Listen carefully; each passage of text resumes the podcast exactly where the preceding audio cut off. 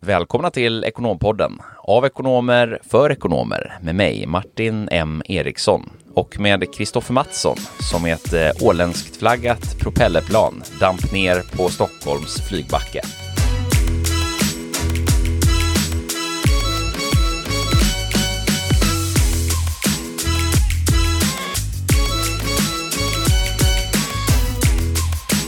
Ja, det var en skakig flygtur det där.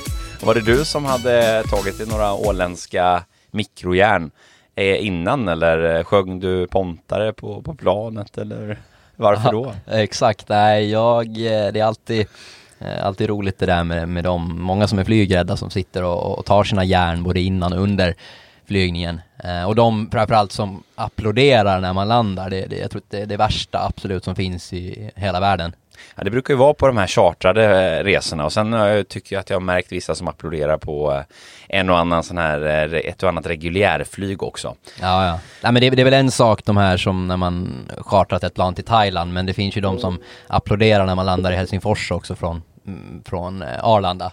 Ja, exakt. Men du, du tog väl inga järn för att du var flygrädd va? Nej, nej, nej. Eh, det gör jag nog bara för trivsamheten eh, i så fall. Eh, börjar faktiskt längta efter att åka lite flygplan igen. Det var, eller ja, jag ska inte säga att det var, jag var faktiskt under förra året här eh, under hösten och, och, och faktiskt och flög till, till Spanien, men jag börjar bli väldigt sugen igen eh, på att åka ut och resa. Ja, det är nog många som är det. Det känns som att det är lite så här uppdämt eh, behov, minst sagt. Mm. Har du gjort något skoj sen sist då? Jag har faktiskt varit på middag hemma hos dig eh, i fredags, så eh, fick jag den här, ja men vi pratade om det tidigare i podden också, fick jag testa den här mästerkocksmaten och vi käkade röding. Om den var eldad eller bränd, det minns jag inte riktigt, men det var väldigt, väldigt gott i alla fall. Ja, härligt. Jo, men den var precis eldad kan man väl säga. Eh, eller bränd, lite beroende på smak och tycke. Mm, ja, men det var mycket trevligt, eh, trevlig middag och, och, en god dryck och bra, bra samtal. Eh, mm. Det får vi göra igen. Apropå röringen där så kan jag ju varmt rekommendera för er som inte har testat ramslök så är det ju eh, det är säsong just nu för ramslöken.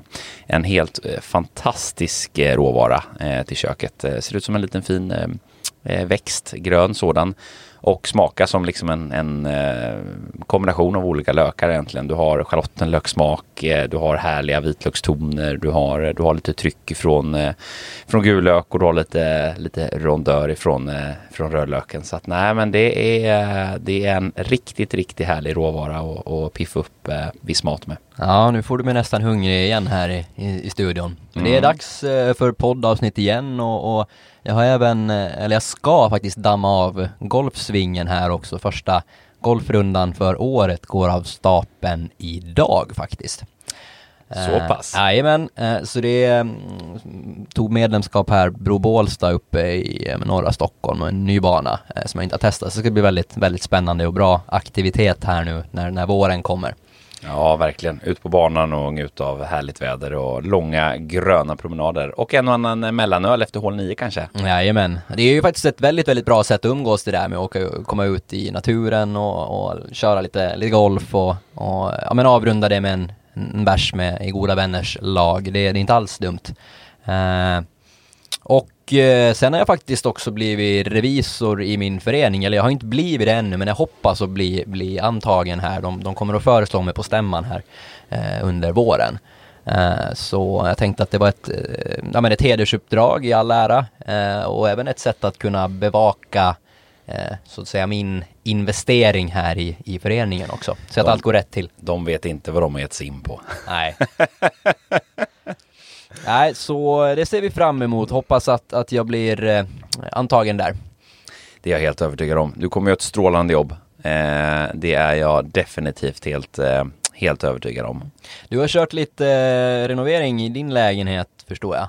Ja, eller inte renoverat så mycket än, men jag har eh, påbörjat kan man säga planeringen utav eh, det sista kapitlet här då, som är det sista och kanske det roligaste av dem alla. Eh, The som, last chapter. Ja, som är köket. Och eh, varför det blev sist om jag har så stort matintresse, det har ju egentligen bara att göra med att jag inte har kunnat bestämma mig för hur jag ska ha det.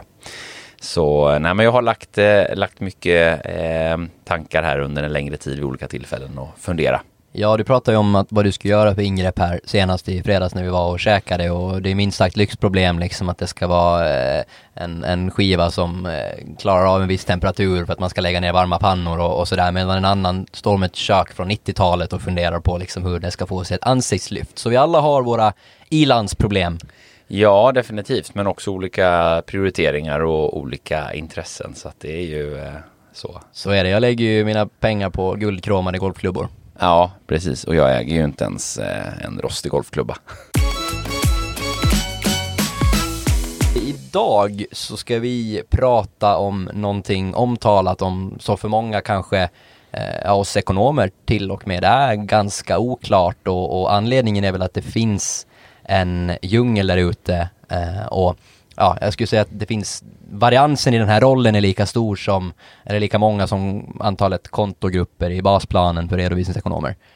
Ja, definitivt. Och ämnet är ju kontrollen. Trumvirvel, virvel, virvel. ja, verkligen. Eh, nej, men det, det är ju eh, minst sagt en, en eh, vad ska vi säga, det finns nog lika många controllers som det finns arbetsbeskrivningar. Ja, så är det och det är ju också när man liksom, man blandar svenska eh, Eh, svenska begrepp med engelska begrepp och det så att säga internt kan det skilja sig väldigt, väldigt mycket åt och branscher och storlek på bolag och sådär. Och vi pratade ju här tidigare om liksom en, en eh, ja, en, en, jag tror att det var en receptionist som var first impression manager. Och en controller kan ju vara en ekonomichef, kan vara en CFO, kan vara en redovisningsekonom, kan vara en ekonomiassistent, kanske till och med rent utav skulle kunna vara en, en operations manager eller receptionist också om man, om man vill det riktigt, eh, riktigt mycket. Eller controllen som stänger bokslutet, last impression manager. Nej, verkligen. Eh, så är det, men eh, ja, vad är en controller Martin? Va, vad gör en controller? Mm. Definitionen eh, av eh, controller eh, är ju, eller styrekonom som man, man kanske också kan uttrycka det, eller som man kanske klassiskt eh, uttrycker, eh, uttrycker det, eh, är ju en ekonom som har fokus och inriktning på verksamhetsstyrningen.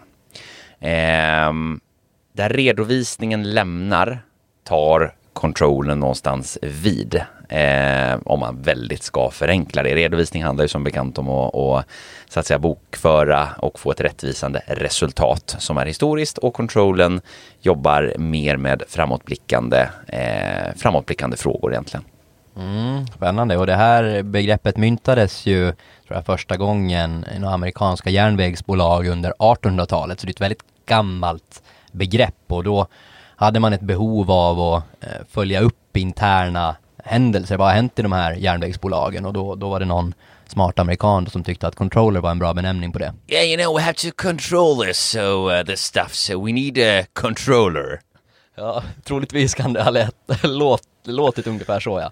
Exakt. Nej, verkligen. Det var väl egentligen först på 1970-talet som man började prata om det här i Europa och kanske i, i Sverige också. Eh, och det började dyka upp controllers eh, här och var.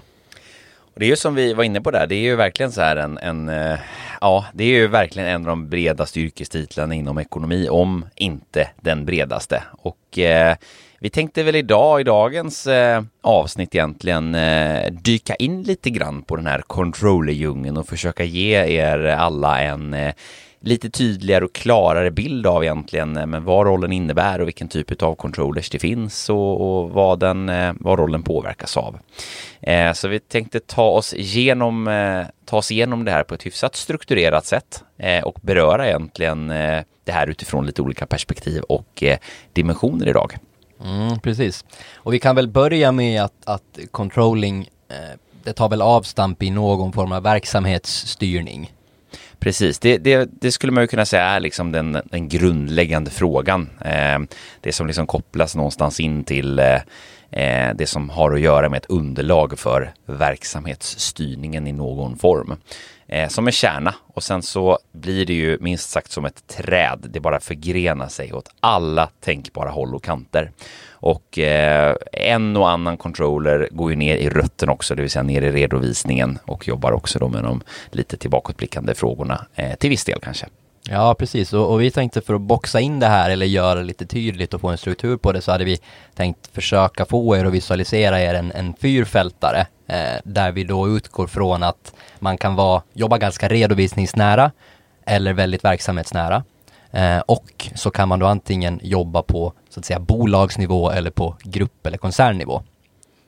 Precis, så se den här fyrfältaren framför er egentligen med, med redovisningsnära, eh, kanske då till, till, till vänster för liksom där någonting, någonting börjar eller så att säga har sin början. Eh, och sen då verksamhetsnära till höger där det liksom fortsätter och blickar in i framtiden. Och föreställer också då på höjden eh, lokal nivå eller på, på bolagsnivå eh, eller väldigt verksamhetsnära nivå där nere och på gruppnivå, koncernnivå eh, där uppe. Så en, en tydlig fyrfältare och där kan ju egentligen kontrollen vara eh, någonstans i de här fyra fälten. Man kan till exempel eh, jobba med väldigt redovisningsnära eh, frågor på koncernnivå. Till exempel sitta och konsolidera bokslut i en financial controller-roll. Eh, likväl som att man eh, på, på lokal nivå eller bolagsnivå kan jobba då väldigt verksamhetsnära, kanske rent av ut i ett, ett affärsområde. Så att den här fyrfältaren blir ett väldigt förenklat sätt att försöka boxa controllerrollen så att man får den här känslan just av, av eh, eh, vart man är. Och eh, vi kommer ju att komma tillbaks lite till det här. Vad menar vi med redovisningsnära? Vad menar vi med verksamhetsnära? Och, och beröra lite de här frågorna och även eh, hur det skiljer sig på, på lokal bolagsnivå eller på, på grupp och koncernnivå. För att bara börja och bolla upp egentligen då eh, frågorna som kanske rör arbetsuppgifterna. Eh, bara för att få upp allting i luften tänker jag. Eh, vill du berätta lite grann eh, vad för typer av, av eh, generella arbetsuppgifter som kanske kan, kan landa på en, en controller som exempel? Ja, precis. Ja, men det handlar ju någonstans om eh, ja, men verksamhetsstyrning och ha koll på siffrorna och att siffrorna är, är rätt. Och, och, och då kan man väl börja med kanske att benämna den här Eh, redovisningscontrollern eller accounting controller, financial controller, alltså en ganska redovisningsnära controller egentligen. Eh, och det kan som sagt variera väldigt mycket och se väldigt, väldigt olika ut. Det kan vara egentligen en, en redovisningsekonom som jobbar med ganska mycket löpande redovisning, gör månadsbokslut, gör uppföljningar eh, och det kan vara också en förlängning på det att man jobbar kanske ännu mer med, med analys och, och, och den typen av utredningsarbete. Men det man någonstans eh, så att säga börjar med och, och, och, konkretisera är väl att man jobbar väldigt nära redovisningen och huvudboken i, i någon ända och att man kan betrakta det som ganska eh, historisk och, och, vad ska jag säga, historisk och nulägesorienterad eh, controllerroll. Precis, för det finns ju väldigt många av den arten som är väldigt redovisningsnära i sin karaktär. Att, att det, det, det är ju ganska många controller-titlar som ju faktiskt i princip är redovisningsekonomer i grunden med någon form av mer så att säga utvecklad roll där man kanske jobbar lite med likviditetsplaneringsfrågor eller någon annan typ av liksom tillägg till sin tjänst men som faktum i praktiken är eh, är väldigt, väldigt, väldigt redovisningsnära. Mm. Så det är ju grunden och som jag fick frågan många gånger att ja, men vad är skillnaden mellan en financial controller och en business controller och, och då är det väl det första man kan börja och, och så att säga utkristallisera är just att man jobbar lite närmare det redovisningstekniska i regel som financial controller eller redovisningscontroller då om man vill uttrycka det så. Medan man som business controller arbetar mer framtidsblickande och fokuserar mer egentligen då på Eh, på beslutsunderlag eh, eller det som har med, med framtidsorienteringen eh, att göra så att säga. Exakt, det handlar om att följa, förklara och påverka det som kanske ska hända i framtiden och, och hur man ska förstå det. För att samla då eh, lite grann arbetsuppgifterna eh, så tänker jag att vi eh, kan försöka klumpa ihop klumpa ihop både financial och business controlen eh, lite grann och, och, ge lite, ge lite in, instick i, i liksom vilken typ av, typ av arbetsuppgifter som, som exempelvis kan, kan föreligga. Och det här är väl någonting som jag tror kan, kan förklara också lite grann den här otroliga variationen och bredden som, som ju också finns i den här rollen. Eh, det man kan tillägga också, eh, värt att nämna, är ju även att likväl som att då financial, financial controlling kan vara så att säga mer eller mindre redovisningsnära så kan ju likväl den vara mer eller mindre verksamhetsnära eh, och framåtblickande. Likväl som att business controlling ibland som är väldigt framåtblickande kan vara mer eller mindre eh, nära financial controllen. Eh, så, så att det, det, finns inte alltid en självklar avgränsning. I många fall gör det det, men inte i alla fall. Och det beror lite grann på, på organisationerna och det ska vi komma in på lite senare i dagens avsnitt. Vi har ju grunden eh, årscykeln som, som eh, är ju någonstans bottenplattan som allting tar sitt ursprung ur eh, kopplat till arbetsuppgifterna. Och där har vi ju bolagens eh, primärt då budgetprocess som ju handlar om att, att budgetera verksamheten. Eh, hur förväntar vi oss att, att eh, olika verksamhetsgrenar ska prestera och varför? Vad har vi för eh, kostnader eh, som vi, vi tar höjd för för det här innevarande eller kommande året? Eh, vilket ju också då kopplas till strategifrågan. Ligger vi under tillväxt eller eh, går vi in i en konsolideringsfas eller ska vi göra omfördelningar mellan olika affärsområden och på så sätt förändra eh, olika saker i verksamheten. Så att det, är, det är ett budgeteringsarbete som, eh, som, som ju man gör inför ett nytt eh, år, budgetår. Eh, sen har vi ju eh, uppföljningsarbetet då, eh, som ju är egentligen, den uppföljningen tar ju sin, sin avstamp i då redovisningen. När man har stängt böckerna Eh, för en period, det kan ju vara ett helt räkenskapsår som man summerar, alternativt eh, summerar en period i form av en månad eller ett kvartal, eh, så görs ju en uppföljning, ehm, ett utfall helt enkelt. Hur, hur presterade vi i relation till vår budget? för den här informationen vi har så har vi ju eh, mitt i en, ett budgetår till exempel, då har vi ju eh, en viss, ett visst utfall vi kan utgå ifrån att första kvartalet presterade i på det här sättet. Och vi har fått de här förändringarna som har påverkat verksamheten, eh, marknadsförutsättningar, externa förändringar eller interna faktorer som gör att vi behöver skruva i prognosen. Då prognostiserar vi också hur tror vi att det här året kommer att landa med hänsyn tagen till vad vi vet om hur det har gått och vad vi vet om vad som kommer påverka de kommande budgetperioderna. Eh, och där behöver man jobba igenom och göra ett prognosarbete eh, och eh, för att egentligen få fram då en, en relevant prognos. Eh, och återigen så sluts ju det här då i en ny uppföljning eh, där man ju till slut då summerar ett utfall och, och avslutningsvis då rapporterar. Och rapporteringen görs också så att säga eh, både på årsnivå men också på, på periodnivå i form av, eh, budget, eh, i form av månad eller liknande. Och till olika intressenter också kan man ju nämna att vem, vem är intresserad av de här eh, siffrorna och de här prognoserna och, och liknande. Är det internt i bolaget eller är det externa intressenter? Är det börsen? Är det styrelse, ledning, banker och så vidare? Ja, men exakt. Och det, det är ju liksom verkligen som, som du är inne på. Det finns en, en intern rapportering likväl som en extern rapportering som kan skilja sig åt väldigt mycket beroende på syftet och, och vad det så att säga är.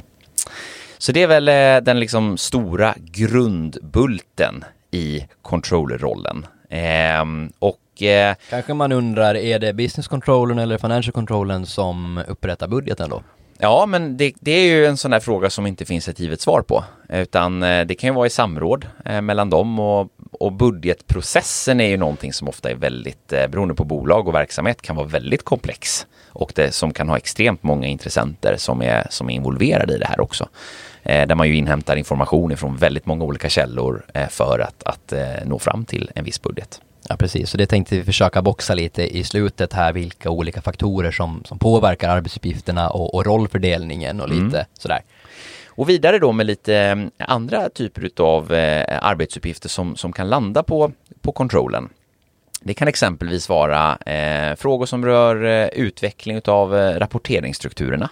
Så hur jobbar vi med rapportering? Hur jobbar vi med med eh, förmedling då utav, eh, utav den här rapporteringen och analyserna vi gör eh, internt och externt. Eh, och hur, kanske, hur gör vi data och rapporter tillgängliga för olika intressenter i verksamheten? Så att det, det är en hel Eh, en hel, eh, liksom, en hel frågeställning kring hela rapportstrukturen och då har vi ju både så att säga ett, ett, ett, ett eh, strategiskt perspektiv på de frågorna likväl som ett extremt kanske operationellt och rent av tekniskt perspektiv på de frågorna.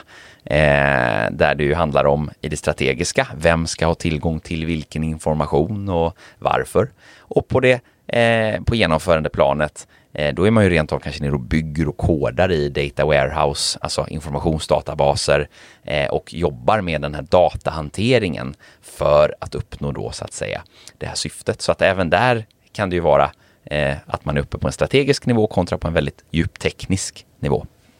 Verkligen, eller ett nyförvärvat bolag, ja men strategiskt vilket bolag ska förvärvas och, och rent operativt sen, hur ska kontoplanen integreras i det här bolaget till exempel om man har förvärvat det? Precis, så att varje händelse i, i, i ett bolag eller varje så att säga enskild utveckling av ett visst, en viss funktion eller liksom en viss process får ju sig både en strategiskt Eh, liksom perspektiv i, i, i arbetsprocessen då för att nå framåt, likväl som ett operationellt och genomförande och kanske väldigt djupt tekniskt perspektiv. Så att eh, det, det är högt som lågt, minst sagt. Eh, vidare kan man ju jobba med olika typer av eh, ad hoc-utredningar, eh, så frågor som löpande kommer exempelvis.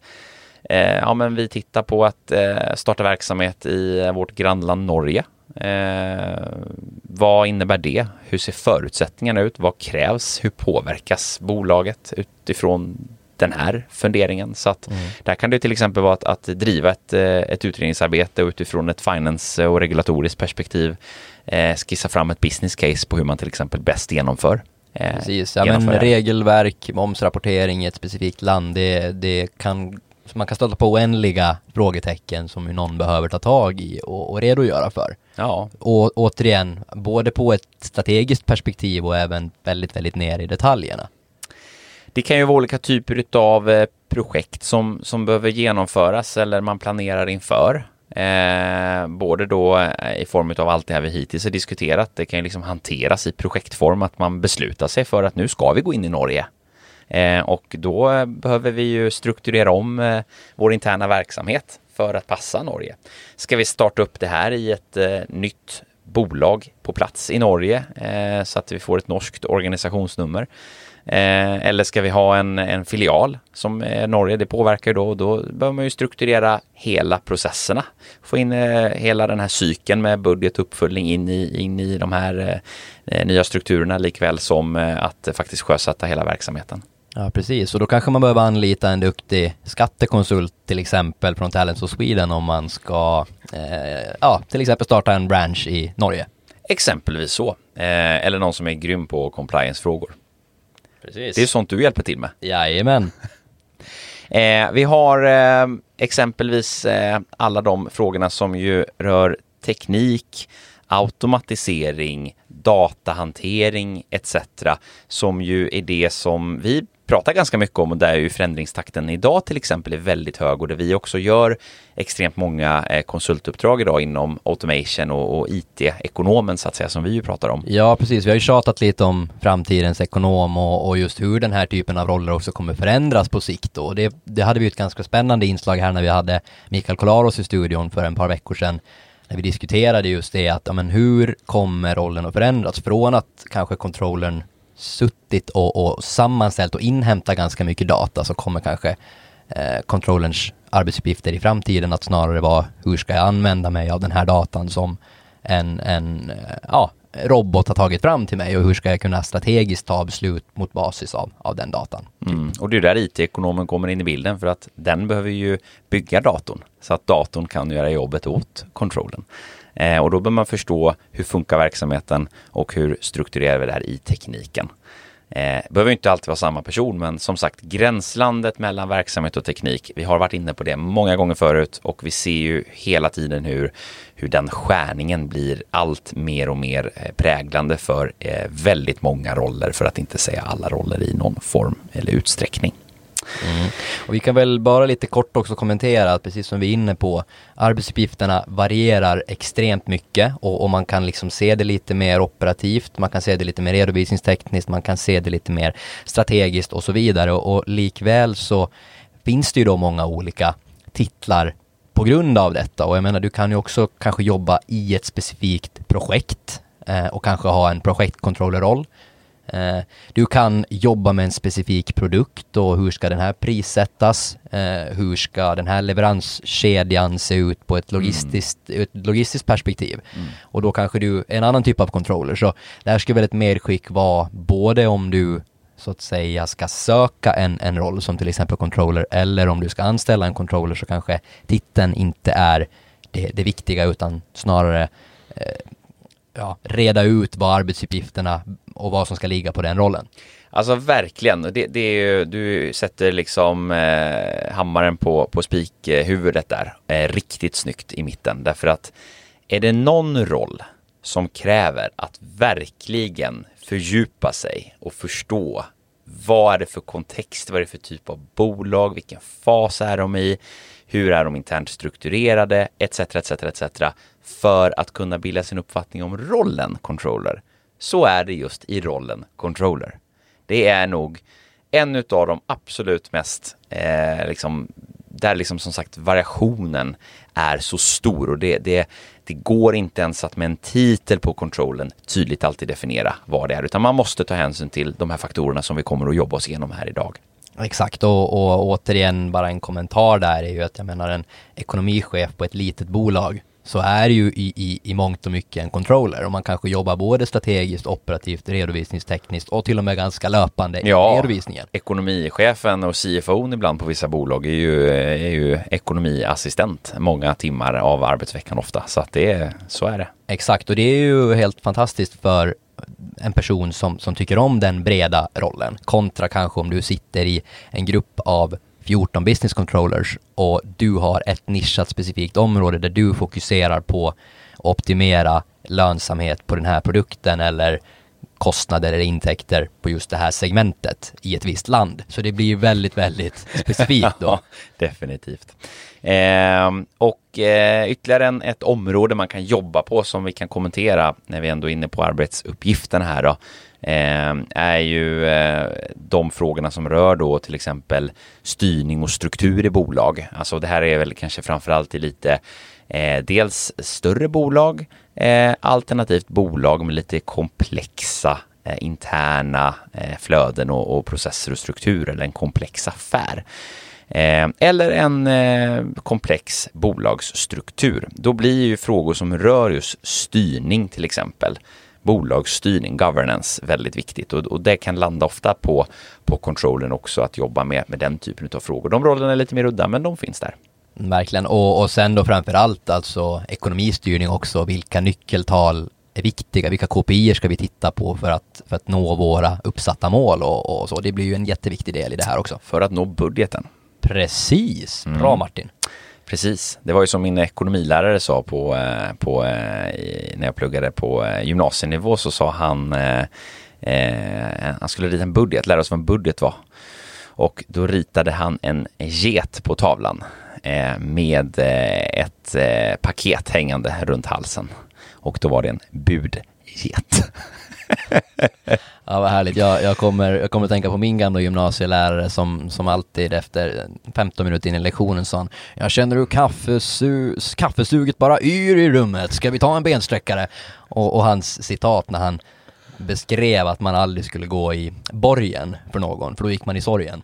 Ja, den är ju snygg också. Och för det här med budgeten så tror jag faktiskt att det är eh, Peder Järndal jag ska tacka för den. så om Peder, om du sitter och lyssnar på det här så, så god och glad virre på dig. Eh, tack för alla fantastiska tre åren vi hade där. Ska vi komma in på lite faktorer då som eh, ja, kan påverka eller ge implikation på arbetsuppgifterna? Vi har ju pratat om att de varierar i all oändlighet och det finns ju några liksom vi tänkte gå igenom några eh, aspekter och kanske faktorer som, som gör att eh, ja, det kan öka variansen än mer i dina arbetsuppgifter och, och i din roll då.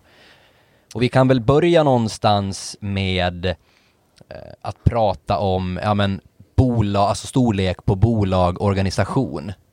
Och mm. då tänker jag mig att gillar man att jobba i en större eller en mindre kontext och jobba så att säga nischat eller mer brett då? Det kanske du kan kommentera? Ja, om vi, vi tar storlek på bolag, det är ett extremt bra, eh, extremt bra eh, ut, alltså ett bra perspektiv för att förstå den här frågan lite närmare. Tittar vi på till exempel ett mindre bolag så blir ju rollen väldigt eh, helhetsomfattande.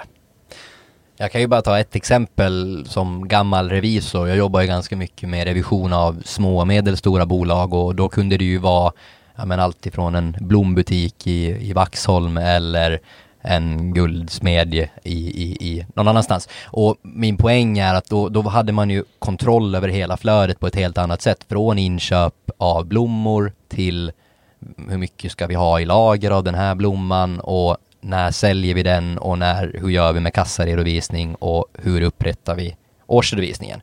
Och då blir det ett väldigt ax till limpa perspektiv om man uttrycker det så, kontra då om man sitter på och reviderar SCB eller eh, något annat större bolag. Då är det en liten, liten del i hela den processen. Ja, exakt. Så eh, som controller på ett, ett, mindre bolag, även om blomsterbutiken på hörnet eh, garanterat ej har en anställd controller, så eh, på de bolagen som ändå har en controller eh, utav de mindre i skalan så, så blir som sagt rollen helhetsomfattande. Du kommer och med största sannolikhet ha en, en väldigt god förståelse för, för allting i, i bolaget. Eh, Medan på ett större bolag, där börjar det ju hända eh, väldigt mycket intressanta saker. Eh, det första som händer det är att du i någon form, ju större bolaget är, så kommer du i någon form att tappa helhets... Inte helhetsförståelsen, men du kommer att tappa helheten. Antingen så kommer du göra det därför att du placeras ut i ett affärsområde och jobbar fokuserat med någon del av verksamheten. Exempelvis då en affärsnära controllerroll eller då business controllerroll.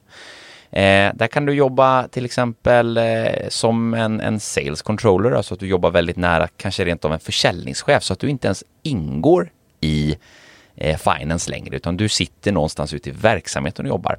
Eller så jobbar du som inköpscontroller eh, och, och stödjer då eh, inköpschefer eller inköpare med olika typer av kalkyler och, och beslutsunderlag för, för inköpsprocesserna. Ehm, om vi tar eh, motpolen då på den här fyrfältaren som vi förklarade förut och så skjuter vi längst upp eh, på grupp och koncernnivå. Då har du ju kanske ett helhetsperspektiv.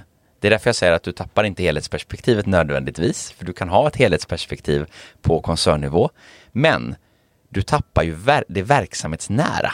Så att du kommer tappa helheten för att du inte längre kanske då jobbar, om jag får fram min poäng här, eh, du jobbar på, på gruppnivå med, eh, med mer konsolidering kanske utav flera olika verksamhetsgrenar eller flera olika dotterbolag i, i, i koncernen som kanske då har egna controllers. Och där sitter du mer på, på mammanivå, på moderbolagsnivå och jobbar med de, de bitarna där.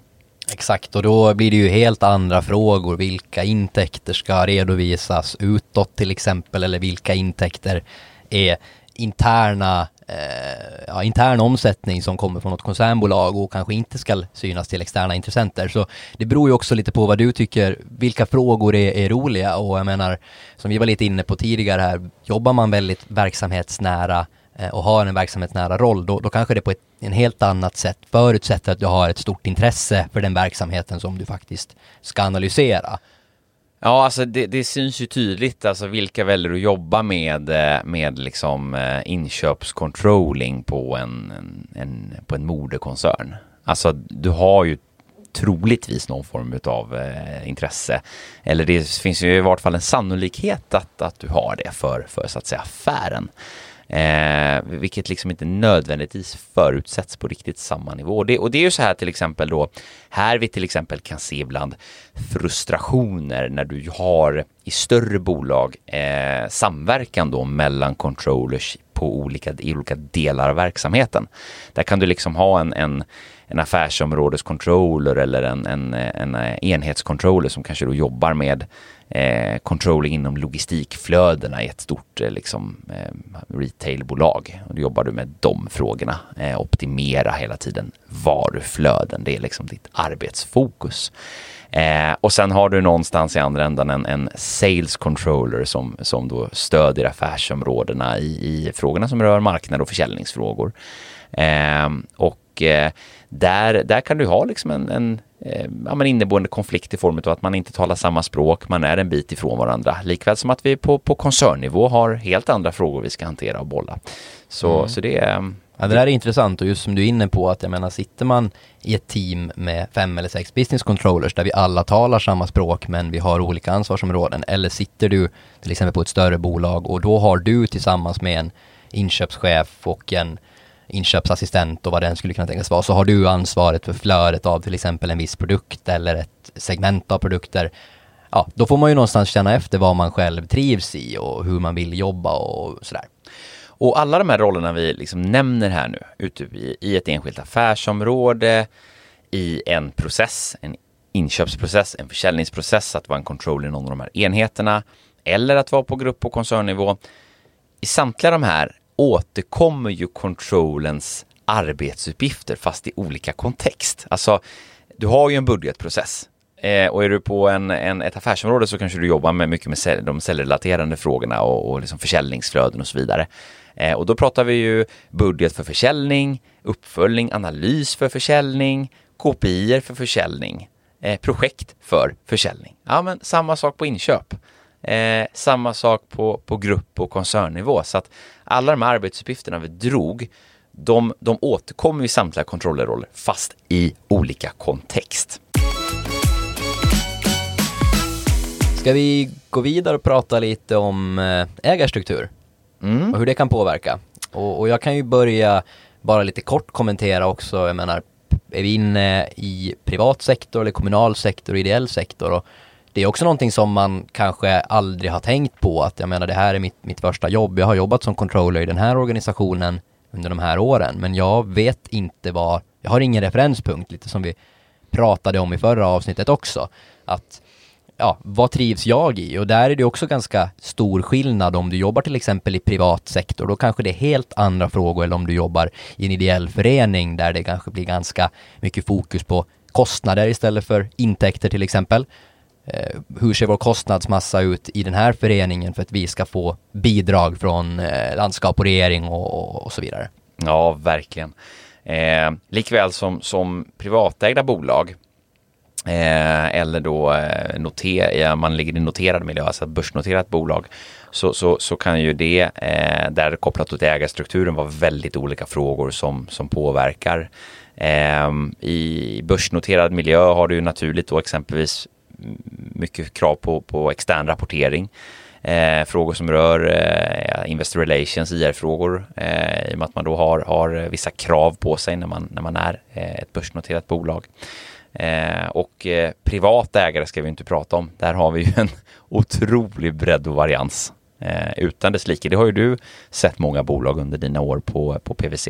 Verkligen, då är det allt från att försöka rådge dem i, i sin K10-blankett som det så fint heter, deras ägarbeskattning och hur mycket de ska ta ut i lön och det ena och det andra. Och, och det är ju, då är de controller i, i, sin mening i blomsterbutiken till exempel, så är man ju controller i allra högsta grad, eller ekonomichef och redovisningsekonom, ekonomiassistent och allting på samma gång. Ja, som, eh, som revisor tänker du eller?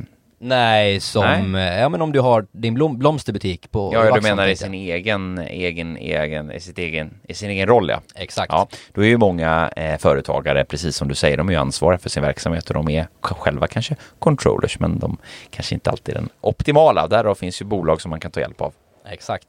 Men och vi tar det här vidare då, ett resonemang, vi pratar just om intäktskostnadsfokus, det kanske också skulle kunna vara finansiering och likviditet. Pratar vi ett startup eller scale-up-bolag, ja men hur ska vi kunna finansiera vår affär eller vår idé? Hur ska vi kunna växa till de här marknaderna? Då är det helt andra typer av frågor som du kommer ställas inför i det bolaget och i den strukturen.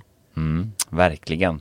Eh, har vi, eh, tittar vi på, på också ägarstrukturer så eh, private equity-ägda bolag, eh, alltså riskkapitalfinansierad verksamhet så att säga då, eh, kan ju ha en, en otrolig press på sig att, att då generera eh, ett visst resultat eller nå vissa mål. Eh, och ägarna sätter ju ett ägardirektiv. Eh, oberoende av vem ägaren är så finns det ju ett ägardirektiv någonstans som längst uppifrån så att säga styr bolagets eh, eh, styrelse och talar om för styrelsen vad de, eh, åt vilket håll de ska driva bolaget och det är ju det som påverkar eh, rekryteringen av vdn som i sin tur påverkar eh, åt vilket håll eh, alla ska jobba så att säga. Och därav blir ju den här frågeställningen också kring vilken fas befinner sig bolaget i som, som också kan påverka alla de här rollerna rakt igenom. Alltså jag vet ett tillväxtbolag som fokuserar på det kommer ju en, en naturligt vissa frågor vara mer eh, mer viktiga så att säga. Eh, och eh, är vi ett, ett bolag i, i konsoliderande fas eh, som fokuserar på lönsamhet eh, så kommer andra frågor att vara viktiga. Eh, och är vi ett bolag som förvärvar många bolag som strategi, tillväxtstrategi, så, så kommer en helt annan typ av frågor att vara viktiga. Så mm. även det har ju en, en hög grad av påverkan. Mm. kan man ju också fundera i, jag menar hur centraliserad kontra decentraliserad är organisationen också om man återanknyter lite till storlek så eh, är det ett mindre bolag och kanske blir mer decentraliserat automatiskt, att du kanske rapporterar direkt till vd eller styrelseledning kontra då i, i det större teamet där du kanske rapporterar till en divisionscontroller eller en head-off business eller financial control som sin tur rapporterar till en redovisnings eller ekonomichef som i sin tur kanske rapporterar till en CFO. Var, var är du i, i, i den hierarkin och, och, var vill du vara och var trivs du så att säga? Mm. Eh, på samma tema, eh, tittar vi på olika branscher så präglas också de av eh, olika frågor. Det finns ju några som sticker ut lite extra. Eh, där har vi ju exempelvis då bolag i, i finansiell sektor som ju har en viss eh, nivå på, på ex, krav på då extern rapportering, regelefterlevnad, bolagsstyrningsfrågor som är ganska regulatoriskt styrda. Eh, och att jobba och verka i en sån miljö gör ju exempelvis att, att det påverkar ju också eh, liksom hur pass kanske snabbrörlig man kan vara i vissa fall eller eh, vilken typ av så att säga, frågor som, som är viktiga och, och prioriteras. Eh, till skillnad från ett eh, bolag som, som är mindre, eh, kanske har en, en, riktig tillväxtstrategi, är inte i en sådan bransch som är regulatoriskt styrd eh, och, och, där det, liksom, det kanske är lite mer rock'n'roll och, och High Chaparral. Eh, då, då påverkar det såklart också eh, vilken värld man lever i. Där ja, men ena dagen eh, så, så eh, liksom har vi den här, eh, de här frågorna som är viktiga och nästa dag så har man liksom ja, men bara ad hoc beslutat om en ny budget eh, och nu är det nya frågor som gäller. Så det är, Verkligen, och det där är något som kan klia i fingrarna på en att jag menar det här är grejer som jag är tvungen att, att göra. Ja, men det kan vara statlig reglering, SOX-regelverk eller det kan vara IFRS eller GAP eller vad den skulle kunna vara. Och det här är saker som du behöver göra, du behöver rapportera in de här sakerna för att ett regelverk säger så. Det kanske inte ger något mervärde för, för din avdelning eller för din organisation eller för verksamheten. Mm. Eh, en annan fråga som i, också kan vara lite intressant, eh, framförallt då lite kanske medel, eh, medelstora till större eh, ekonomifunktioner eller controllerfunktioner då. Eh, där, framförallt då där man samlar flera controllers inom samma gruppering eller samma avdelning. Det är ju lite grann också hur man internt organiserar arbetet mellan sig. Eh, vissa bolag har ju en, en väldigt silosorienterad miljö där du kanske till exempel har fem controllers eh, där man ansvarar för olika bolag eh, och där man då gör i princip allting per bolag. Så jag ansvarar för mitt bolag. Då har jag hand om budget, prognos och rapportering. Jag har hand om projekt. Lite ax till limpa-tänket som man ju hör klassiskt inom redovisning framförallt. Ja, och precis samma princip här inom controlling. Eh, då blir det lite ax till limpa på bolaget och, och ehm, eh, då, då har man ju liksom ofta kanske att man känner sin sin verksamhet väldigt väl eh, till för, till, till, på plussidan så att säga då. Och på minussidan kan det ju vara att, att man kanske inte alltid Eh, är bäst på strukturfrågor samtidigt som att man är den bästa analytiken nödvändigtvis. Eh, och det talar då till förmån för eh, den motsatta organis organiseringen som, som kanske är mer utav då en, en, eh, en funktionell organisering eller en, en processorganisering där man då på samma fem controllers och säg samma fem bolag istället väljer att organisera sig utifrån processerna.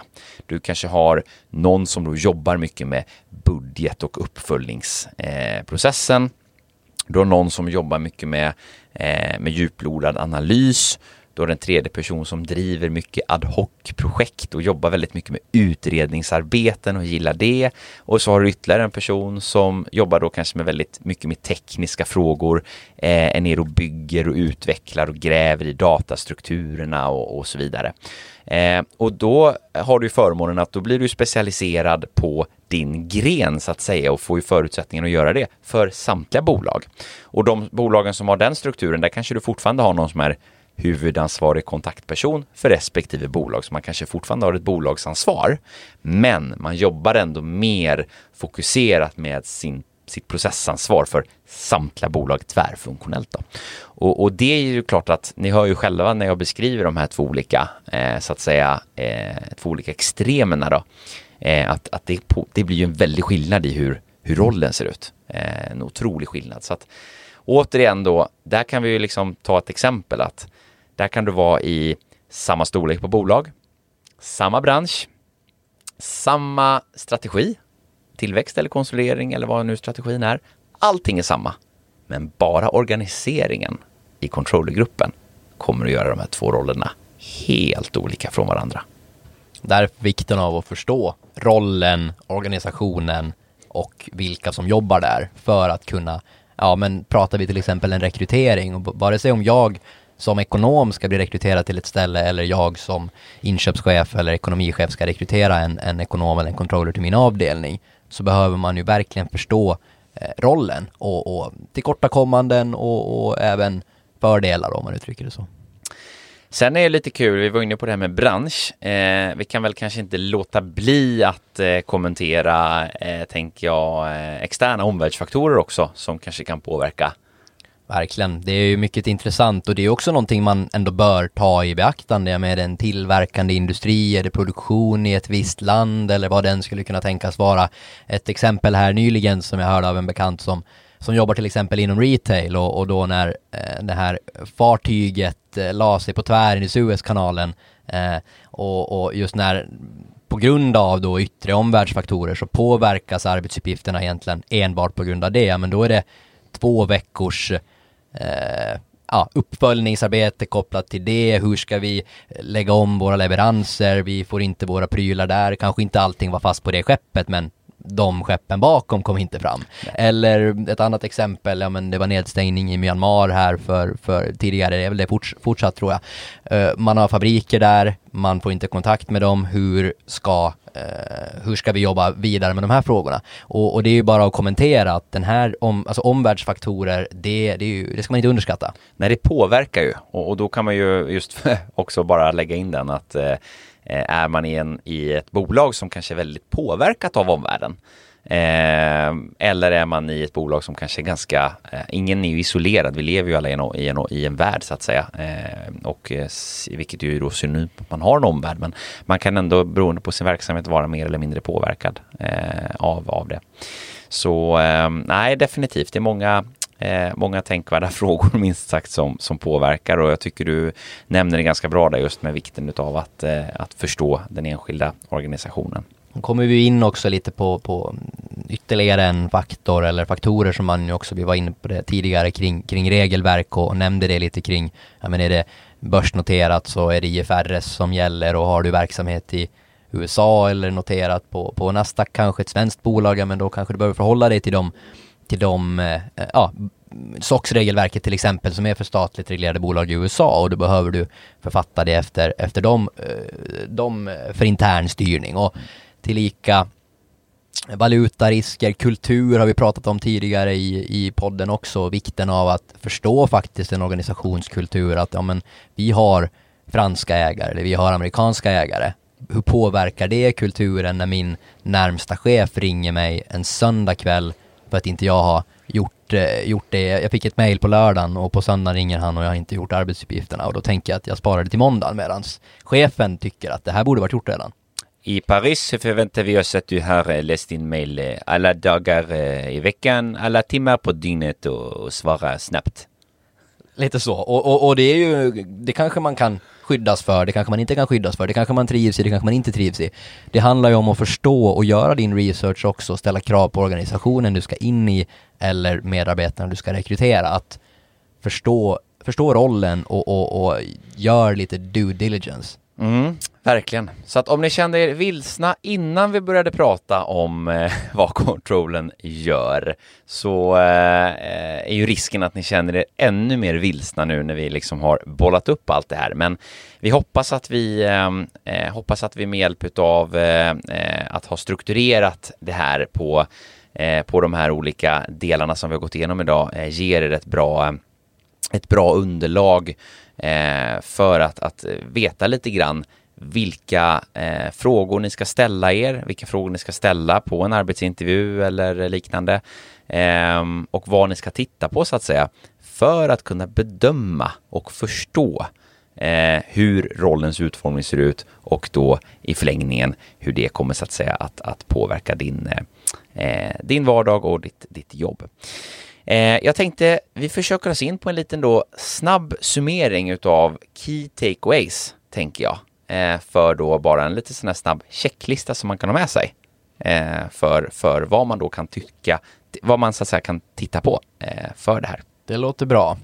Vi kan väl börja med det som vi eh, pratade om väldigt inledningsvis här i, i avsnittet. Skillnaden mellan kanske en, en business controller och en financial controller, alltså är du mer närmare redovisningen eller är du närmare det operativa, mer strategiska, verksamhetsnära? Precis. Likaså pratade vi om, är du på en lokal, väldigt verksamhetsförankrad nivå, eh, till exempel på ett dotterbolag, eh, eller är du på koncern, gruppnivå, eh, där du jobbar kanske i en, en större kontext. Det påverkar också. Rapporterar du direkt till vd eller styrelse? Eller rapporterar du till en mellanchef som rapporterar i sin tur till någon annan? Och hur påverkar storleken på bolaget och, och strukturen på bolaget dina arbetsuppgifter? Hur organiserar man sig internt i bolaget? Eh, I den här controllerenheten eller liknande. Eh, jobbar man då eh, silosorienterat, det vill säga jag har ansvar för, för eh, mitt bolag här Eh, eller mitt affärsområde här eller vad det må vara.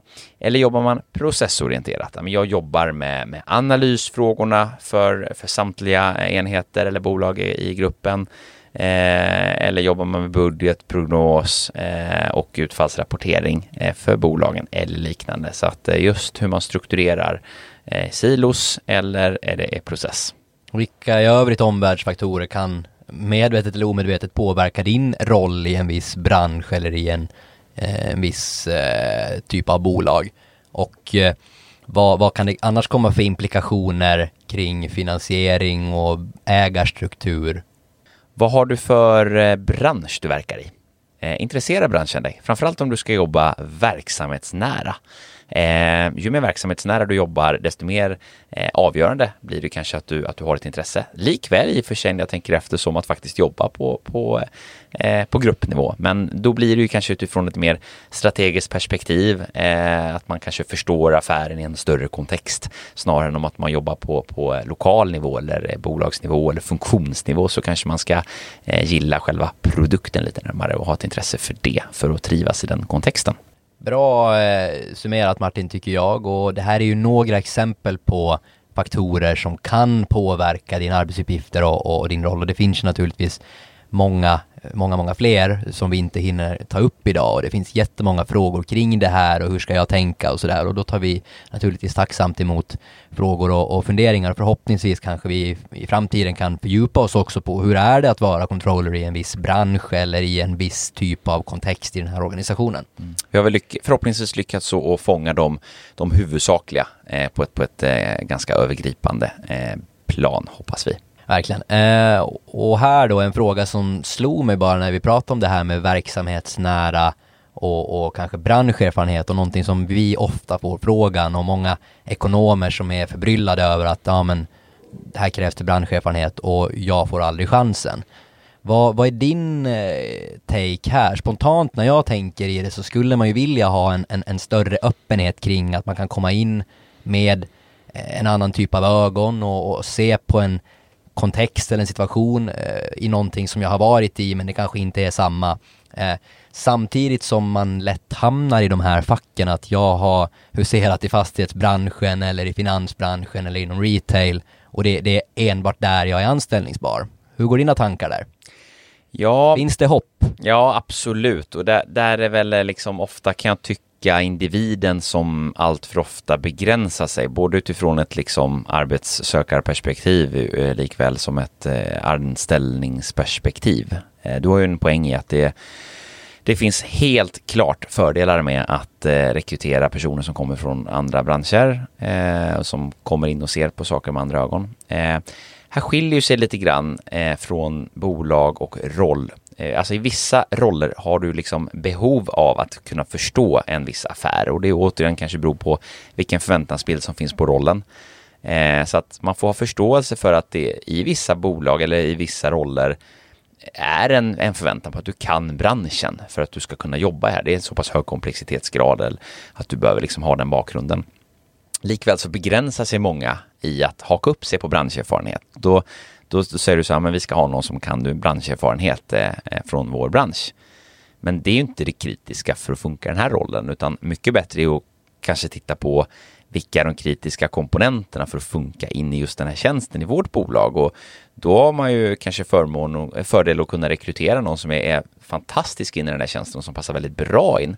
Eh, så, så, att många lurar ju sig där också och tror det här så att där skulle jag väl uppmuntra var enskild, eh, Eh, var enskild eh, ekonom att, att eh, våga utmana sig och önskar man att liksom flytta på sig så, så är det ju såklart att, att titta på, på ändå vart vill jag och se hur man kan komma in där. För att jag ska säga att det finns nog fler möjligheter än vad man kanske spontant ser.